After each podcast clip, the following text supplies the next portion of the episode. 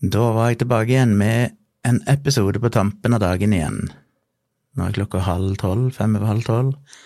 4. mai, og vi er ute med episode fem. To dager igjen, så har jeg hatt daglig episoder i ei uke. Det er vel en slags seier. Um, hva som har skjedd i dag? Jeg har nettopp massert min samboer mens vi så et par episoder av uh, tredje sesong av Papirhuset, som jeg fortsatt syns er veldig bra, holder mål, sjøl i tredje sesong. Um, men jeg var ganske sliten i kveld, merka jeg var litt sånn grumpy fordi jeg Ja, lang dag på jobb. Og så var det innspilling med dialogisk. Jeg merker det på mandagene, så det er ganske slitsomt. For det er jobb, og så er det dialogisk, og det med dialogisk når vi har livestream og alt dette her, så tar overraskende mye på. Når du gjør ting live og merker at folk på en måte ser på det, nesten som å gjøre et liveshow. Når folk kommenterer underveis, kommer med spørsmål. Føler liksom at du må ha noe Det gjør jeg så ofte alltid med podkasten, at du får litt panikk av og til for en tenker 'oi, nei, ikke noe å si', må komme på et eller annet å si. Og av og til så kommer det ut ganske usammenhengende ting i ren desperasjon, men det liksom ender et nivå opp når uh, det er et live publikum. Så jeg merker jeg er litt sånn mentalt sliten etter å ha spilt inn uh, dialogisk, jeg trenger, trengte litt mat, rett og slett, og hente meg inn igjen litt. Og maten nå for tida er jo ganske spesiell. Samboeren min er jo veganer, og det gjør jo Ja, jeg spiste jo relativt lite kjøtt før jeg møtte henne òg, men eh, det blir naturlig nok enda mindre nå, så Altså, jeg er ingen av oss sånn veldig glad i å bruke masse tid på mat, så vi lager ganske enkle ting. Det blir litt sånn sitter framfor TV-en og spiser i sofaen. Og det er blitt veldig mye frosne grønnsaker de siste året, cirka. Og det syns jeg er så digg. Så det er mye frosne grønnsakblandinger, spesielt eh, Coop. Eh, ja, det er andre òg som har det, men de har en sånn Nesten som en sånn brokkoliblanding, sånn grønnsakblanding, men så er det potetbåter oppi, og det gjør på en måte hele forskjellen. For med en gang det er poteter oppi, så blir det litt mer eh, substans i det. Og det er noe av det beste jeg kan få, så det er liksom Hun spiser primært eh, noodles med et eller annet på. Ofte så varmer vi opp noen bønner. Jeg pleier å blande en boks med baked beans, altså bønner i tomatsaus, med chilibønner og en boks med mais oppi ei gryte. Bare varme det opp, la det stå der og putre bitte grann. Og så lager hun noodles, og så steker jeg en eller annen grønnsakblanding med masse krydder på, og bom alltid på det krydderet. Begge to er glad i salt, så blir en del salt og pepper, men så må jeg jo alltid slenge på noe sånn chilikrydder eller cayennepepper eller sånn, og så ja, så er jeg alltid litt for raus med det, så det blir ganske hot. Men bare steg opp de grønnsakene og så dumpe et lass med bønner oppå. Det er godt, det en av det bedre jeg kan spise. Og de har mange gode grønnsakblandinger i forskjellige varianter som jeg driver og tester ut. Husker ikke navnet på dem, men de har jo en her borte på Kiwien som er litt sånn med bønner i allerede, og litt grønnsaker. Den er òg supergod. Så av og til bare spiser jeg det med ketsjup på, eller med bønner på, eller et eller annet sånt. Ja, i dag hadde vi òg slo meg til med noen uh, hvitløksbagetter som jeg egentlig hadde kjøpt inn til gjesten vi hadde her i uh, på fredag, men, uh, eller lørdag, men glemte å spise dem, så de ble spist i dag. Så frosne grønnsaker er godt. Det er jo 100% vegansk, og ikke minst så er jo frosne grønnsaker mer næringsrike enn gjerne ferske grønnsaker. Fascinerende nok, så det, er jo eh, veldig, veldig sunt. Og så har vi òg de siste dagene, og dette var noe som jeg digga før i tid, men hadde glemt litt vekk, men vi har begynt å kjøpe frossen frukt, sånne smoothieblandinger som finnes i forskjellige varianter. Og så bare tømme oppi ei skål, og så spiser det med skje frossent. Det er sånn skikkelig god snack, så bare sitte og suge på frosne terninger med frukt, og diskutere hva som funker best. Det er ikke noen tvil om at det som funker best, er frossen eh, ananas. Den er liksom fortsatt veldig god den smelter litt i munnen. Frossen banan er sjokkerende godt, det er jo som candy. Det er jo så fantastisk konsistens når det smelter bitte grann og blir sånn Deilig mjukt. Eh, det er mine favoritter.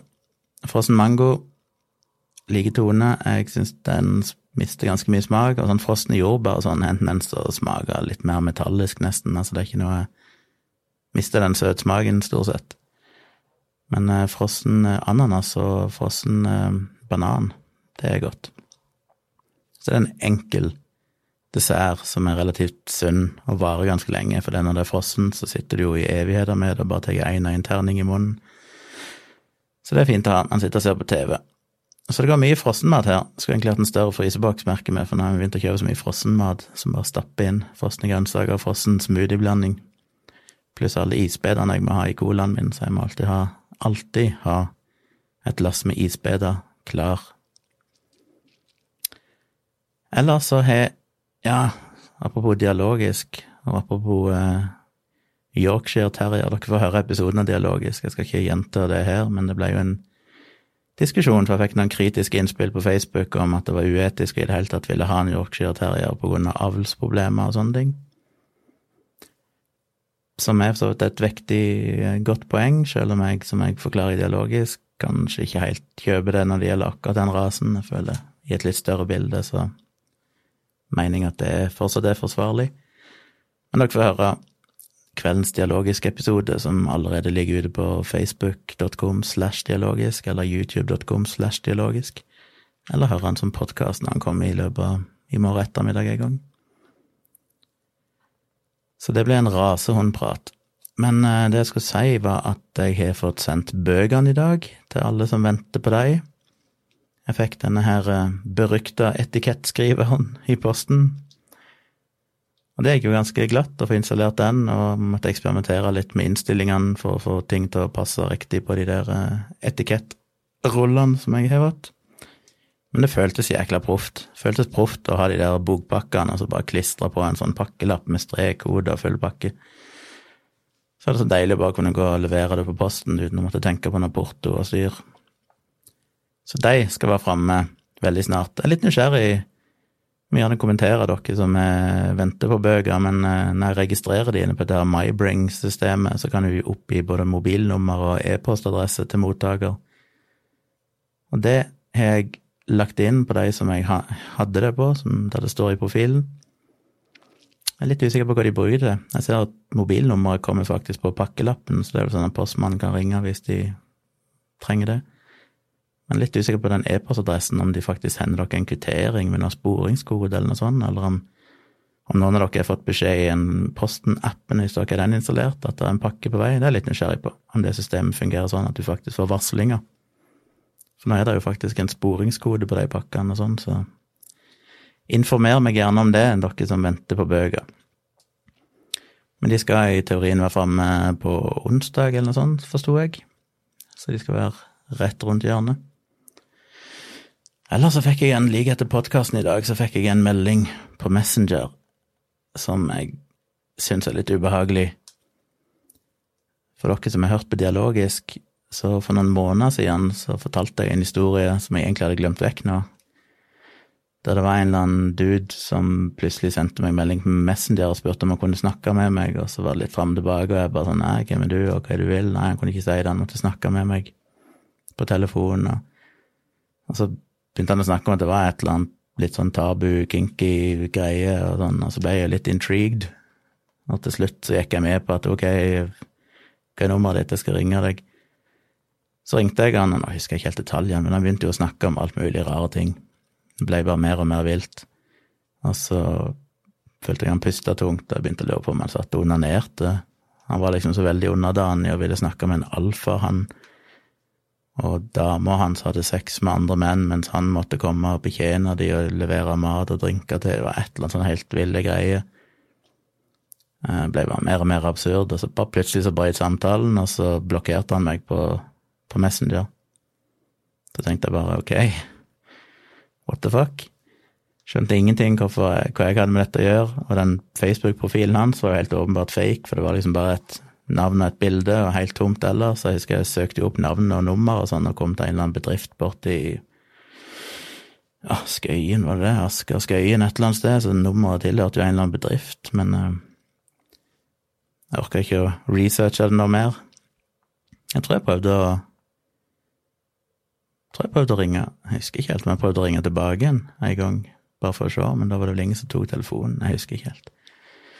Men det er mange måneder siden, og så har den Han blokkerte meg jo, som sagt, og ble helt utilgjengelig.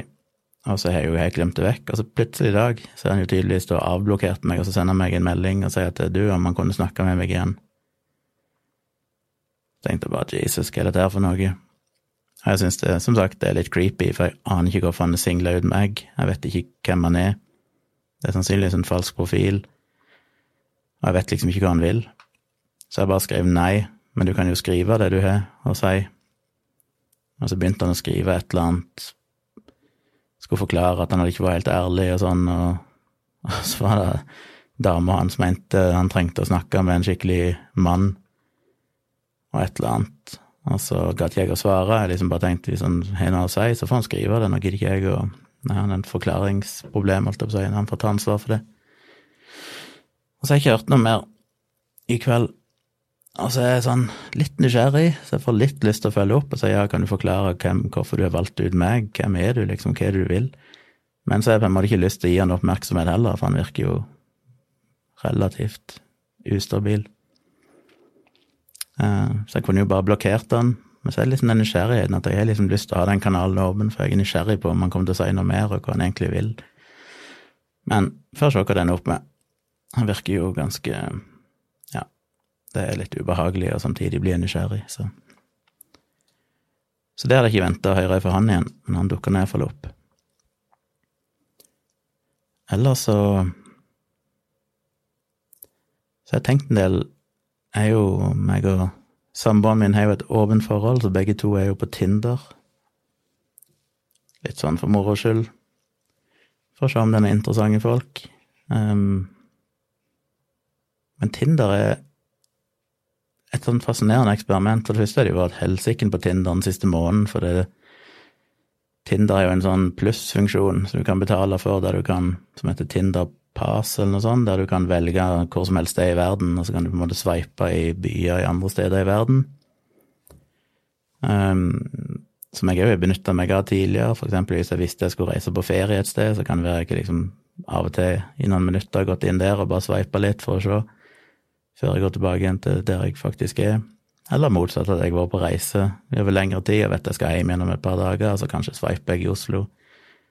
Fordi det er ikke noe poeng å sveipe der jeg er, liksom, for jeg skal jo reise et øyeblikk. Men sånn Men det er frustrerende, for jeg er jo alltid vært en person helt siden jeg begynte å liksom date når jeg ble singel for en ti år siden, første gang, etter et par lengre forhold, og flytta til Oslo og sånn, og hadde profil på godgamlesukker.no og møteplassen.com, var det ikke noe som het det? Jeg prøvde alt mulig rart. Jeg har alltid vært en sånn person som vil skrive en ganske skikkelig profiltekst. Eh, fortelle om meg sjøl og ha litt bilder. Og det er gjort på Tinder òg. Det er ikke så mye plass å skrive der, det er litt begrensa med tegn, men jeg prøver sånn på kort plass å oppsummere mine verste sider. Og med det mener jeg at jeg er temmelig ærlig om hva jeg egentlig søker, for at jeg gidder ikke å bruke tid på folk som Ja, det er på en måte en måte å filtrere ut folk som jeg vet det sannsynligvis ikke er noe til felles med likevel. Så en av tingene jeg skriver i profilen, det er jo at jeg er i et åpent forhold.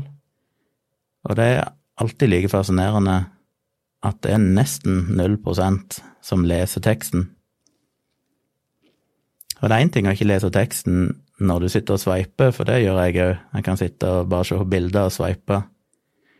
Men hvis jeg faktisk får en match med noen og skal finne på å prate med dem, så må jeg jo faktisk sjekke ut litt nøyere hvem denne personen er.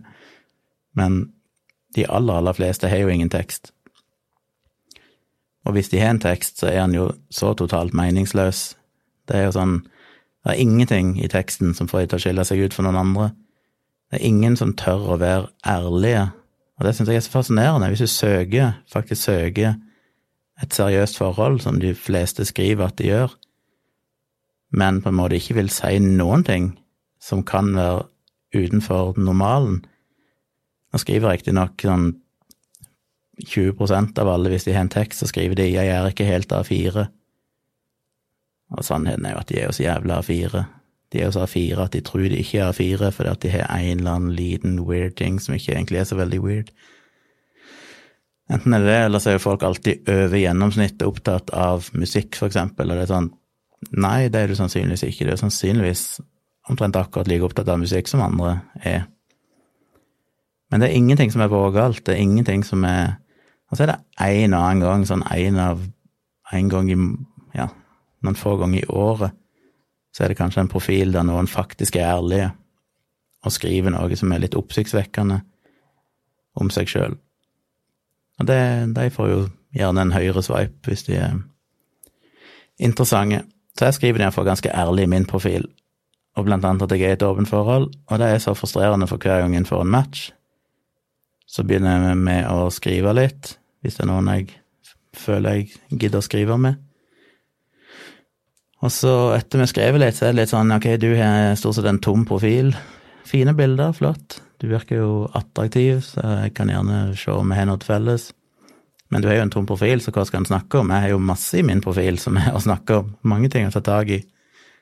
Men det blir liksom bare sånn meningsløs overfladisk prat, så ganske fort så pleier jeg å spørre sånn, ja, så du noe i profilen min du kjente deg igjen i? For jeg har lyst til å se liksom, om du sveipa høyre på meg fordi de faktisk var interessert i noe av det som jeg skriver jeg er interessert i.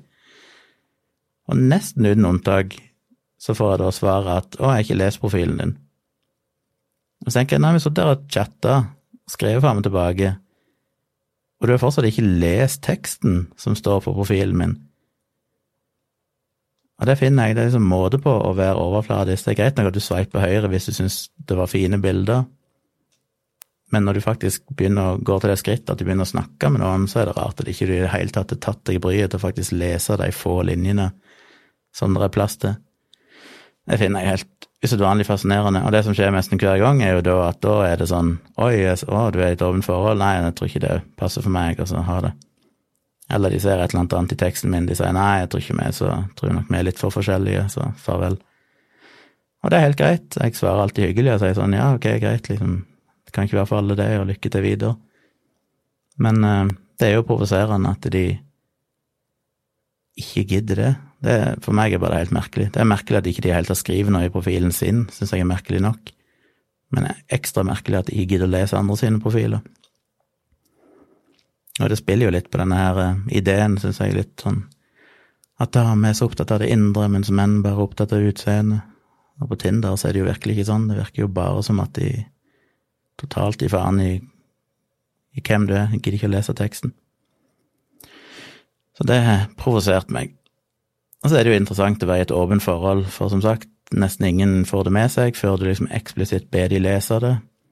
Og så er det overraskende mange som er sånn åpent forhold, hva betyr det? Men i 2020 jeg trodde stort sett folk visste hva det innebar. Men allikevel um, Så kjenner jeg jeg ble kjent med noen nylig som òg uh, er i et åpent forhold og hadde samme problemstillinger. Så han mannen i det forholdet, han hadde jo gått til det skrittet at uh, det første bildet i profilen hans er jo et bilde av han og dama hans sammen. Så det tenkte jeg at det var jo egentlig ganske god idé. Bare gjør det på det første bildet, la de se at du er i et par og så se Da kan de nesten ikke unngå å få det med seg, så jeg bytta nylig til et bilde av meg og samboeren min for moro skyld, for å se hvordan det funker. Hvis jeg da får en uh, match, så må de vel ha skjønt clouet. Men gudene vet. Så Tinder er en interessant, interessant uh, greie. Um, og det merker vel hun samboeren min òg. Litt av det samme problemet, at folk sjelden får med seg hvem du er, og hva, hva, du er. At du er i et åpent forhold og sånn. Folk registrerer ikke det. Ellers så ser jeg jo nå i kveld at uh, Reuters melder at Apple og Google har valgt å legge en del strenge begrensninger på bruk av smittesporing i appene og i denne pandemitida, som er ganske fascinerende. For det er jo veldig bra, men det er jo fascinerende at det er to gigantiske private selskaper som en ofte ser på som the bad guys når det gjelder datainnsamling og sånn, faktisk nå tar personvern mer alvorlig enn det norske myndigheter gjør. Så med de begrensningene de skal innføre, f.eks. at de får ikke lov å bruke GPS-data og lage sentralisert som den norske Smittestopp-appen gjør, Så vet jeg ikke helt hvordan de skal løse det i den norske appen, for det vil da bli lagt begrensninger på det i operativsystemet på iPhones og Android-telefoner snart. De vil òg innføre noen begrensninger. Nå skumla seg artikkelen, så jeg husker ikke helt detaljene, men det var vel òg noe om at de ville bare tale, tillate én aktør i hvert land å ha en sånn funksjonalitet, som jo er fornuftig, så i Norge blir det vel da Folkehelseinstituttet med den uh, Smittestopp-appen. Um, pluss at Apple og Google, som jeg snakker mye om i dialogisk og i disse YouTube-videoene mine, allerede har begrensninger, eller har en bedre løsning da på randomisering og hyppig utskifting av disse unike ID-ene som hver person får tildelt for å være anonyme, sånn at hvis du får tak i en ID, så er den bare 15 minutter, så blir den byttet ut med en annen ID, sånn at du egentlig ikke kan følge folk over tid, sånn som du kan med den norske appen, der de har vist at hvis du er i nærheten av Erna Solberg, så kan du gå inn i appen etterpå og finne ut hvilken ID som er knytta til Erna Solberg, og da kan du seinere, hvis du går ut forbi Stortinget og får en match på samme ID-en, så vet du at Erna Solberg er der inne og eventuelt kan gjøre et eller annet uheldig i den situasjonen. Men det kan du da ikke med den Apple-Google-løsninga. Men det er interessant at uh, det har blitt litt debatter på Facebook, og jeg blir sjokkert over hvor mange som er sånn som ikke skjønner problemstillinga, ikke skjønner at det faktisk er et problem. Sånn, ja, men hva skulle norske myndigheter gjøre med, med dataene våre, hvordan Jeg mener Han ene skrev nylig noe som jeg svarte rett før jeg spilte inn dette, men han skrev liksom at han mente det måtte være en form for overtro, at vi trodde liksom at det var så forferdelig farlig, dette. Og for meg så er det jo overtro å tro at en app som sannsynligvis Folkehelseinstituttet ble påtvunget til å lage, eller pressa til å lage av politiske insentiver, og som ble gjort under ekstremt hastverk, sånn at de ikke engang hadde tid til å ha det ut på anbud eller gjennomføre skikkelig sikkerhetskontroll og alt dette her, at den løsningen de valgte under disse spesielle omstendighetene på så kort tid, skal være liksom en fantastisk løsning som vi alle må respektere og bruke, samtidig som et samla internasjonalt fagmiljø av IT-eksperter og sikkerhetseksperter og menneskerettighetsorganisasjoner og personvernorganisasjoner og de største IT-aktørene i verden med Apple og Google, som sannsynligvis sitter på de smarteste, mest teknisk kompetente menneskene innenfor dette faget i verden, mener at dette er helt horribelt og bør ikke aksepteres, og nå legger inn begrensninger i operativsystemet for å aktivt hindre at det skal være mulig at myndighetene kan samle inn den type lokasjonsdata og lagre sentralt i skyen. Det skal vi liksom bare avfeie som overtro. Det er overtro å tro at norske myndigheter under hastverk og med politisk press har lagd den beste løsningen. Så det er merkverdig. Og ja, det er en fascinerende form for tillit, akkurat det der. der. Og som jeg sier, mitt argument er jo ikke at du aldri skal installere appen. Jeg er jo 100% for appen og mener den kan være nyttig hvis disse utfordringene blir løst på en skikkelig måte. Selv om jeg nå i seinere tid er blitt mer og mer skeptisk til om appen kan virke i det hele tatt, for det som sagt, Bluetooth deaktiveres jo når ikke appen er aktiv. Så hvis du lukker ned appen på en iPhone, for eksempel, så slutter jo Bluetooth å fungere. Og det er jo et valg Apple har gjort tidligere i operativsystemet sitt for å hindre at andre skal kunne spore deg via Bluetooth-signaler og tracke deg og finne ut hvor du går hen. Så det er jo et personvernhensyn som har vært der lenge. Så da baserer jo Smittestopp-appen seg på GPS-data som de samler inn, men som de skrev på NRK i dag i en artikkel, så er jo de GPS-dataene på en iPhone, for eksempel, er jo en nøyaktighet på 7 til 13 meter. Og definisjonen av å være i nærkontakt med noen ifølge Smittestopp-appen er jo at du må være mindre enn to meter ifra en smitta person i mer enn 15 minutter. Og når presisjonen er 7-13 meter, så fremstår jo det litt merkverdig at det skulle kunne lokaliseres. Og så hører jeg jo folk Jeg mener, en av testkommunene der de har starta med varsling nå, er jo i Drammen, og jeg kjenner jo folk som jobber som leger i Drammen, og de har jo ikke fått noe varsling ennå. Som virker merkelig når de er på sykehus, da de vel nesten uunngåelig er i nærheten av noen som har koronasmitte. Og så er det andre som argumenterer med at ja, men dette måtte skje fort, for det er hastverk og hver dag gjelder og sånn, men, det, men varslinga og smittesporinga kommer ikke til å tre i kraft i eh, før i slutten av mai. Og analysene av de forskningsdataene som ser på GPS-data om hvordan folk responderer, responderer på statlige anbefalinger og sånn om hvordan de skal bevege seg og sosial distansering og sånn, det vil jo ta enda lengre tid før de begynner å analysere de dataene. Så det vil jo ikke kunne ha noen effekt på oss nå uansett. Det vil tidligst ha en effekt når vi kommer ut i juni. Og for at i det hele tatt det skal virke igjen, så må man jo ha omfattende testing, for du får jo ikke varsling om at noen er smitta hvis ikke noen først har testa seg og vet at de er smitta. Så det er liksom så mange brikker som må falle på plass først, at den argumentet med at dette haster og det er et tidsspørsmål, er liksom nei. Det hadde jo vært vesentlig bedre om de heller hadde brukt denne tida på å faktisk lage en app som funka, eller hadde basert seg på tidligere apper som allerede tok hensyn til personvern og videre, og som var ferdigutvikla og lå ute som open source, eller venta på Apple og Google sin løsning som kommer i operativsystemet nå i neste versjon, som vel kanskje blir nå i mai. Men nei da, så for meg virker det jo mest som at det var et politisk tiltak for å vise på en måte vise at de tar ansvar og tar grep, og så lanserer de en dårlig løsning som har den bonuseffekten for myndighetene, og at de soper inn enorme mengder med lokasjonsdata. Og heldigvis, holdt jeg på å si, så er det jo relativt få som bruker appen. Ifølge den veksten som har vært, så vil jo ikke så vil den i beste fall nå halvparten av målet. Altså målet er jo 60% skal bruke appen, men den vil kanskje nå 30% dekning i, ved utgangen av året. Og det er jo relativt seint.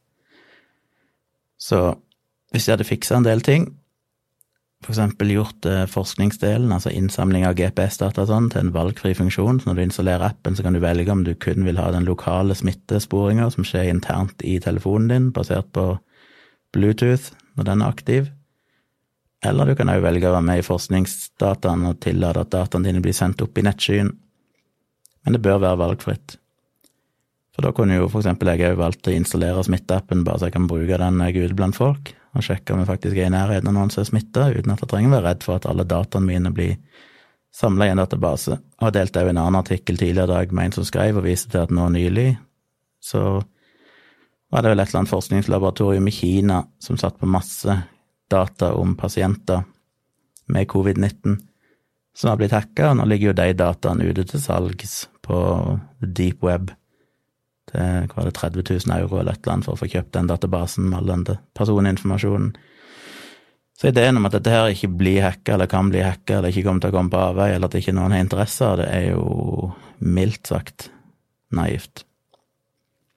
Men iallfall, jeg syns det var interessant å se at eh, to gigantiske private selskaper faktisk tar personvern mer alvorlig enn det norske myndigheter gjør.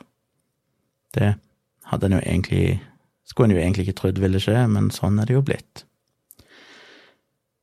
Ja, så det var vel min lille rant for i kveld. Eh, bøker er på vei, som sagt. Takk igjen til alle som eh, støtter meg her inne. Og så Håper dere vil høre dialogisk, selv om det ble en ganske stusslig episode. Men hvis dere er interessert i diskusjonen om rasehunder og avl og etikk, så kan dere jo høre på den og komme med innspill. Eller så lager jeg ut en liten gallup i dag, preget av min egen usikkerhet, fordi jeg ikke vet om folk egentlig hører på denne podkasten. Det er ingen måte for meg å se det inn på Patron. Jeg kan bare se hvis dere liker episoder, det kan jeg jo se. Jeg kan ikke se, vet ikke om jeg kan se hvem som liker, jeg kan vel ikke det. Jeg kan bare se at noen har liker det. Men utover det så vet jeg jo liksom, visste jeg jo ikke egentlig noen som hører på dette. Så var det interessant å lage en liten gallup, hvis ikke dere har svart, ca. halvparten har vel svart så langt. Men hvis ikke dere har svart, kan dere jo gjøre det. Men så langt så var det jo 94% hadde hørt minst én episode, eller alle, og ønska at det skulle fortsette. Så var det én som ikke hadde hørt noen som utgjorde 6 En som ikke hadde hørt noen episoder, neppe kom til å høre på de, og det er jo fair. Men av de som har hørt på, så virker det iallfall som at folk vil jeg skulle fortsette. Så om jeg fortsetter daglig, får vi jo jeg gjør det så lenge jeg har noe å si. Men det blir iallfall episoder framover her inne. Så det setter jeg veldig pris på, at dere syns det er ok at jeg setter av den lille halvtimen til å prate litt. Men hvis ikke du har svart, svar, så får jeg litt mer data på det. Og ellers som vanlig, det er bare å komme med innspill og spørsmål og ting og tang i meldingsboksen på Patrion eller i kommentarfeltet under de forskjellige postene jeg sender ut her. Og så høres vi vel igjen i morgen den dag. Takk for at dere hørte på. Har du et enkeltpersonforetak eller en liten bedrift? Da er du sikkert lei av å høre meg snakke om hvor enkelt det er å sende faktura med fiken. Så vi gir oss her, fordi vi liker enkelt. Fiken superenkelt regnskap. Prøv gratis på fiken.no.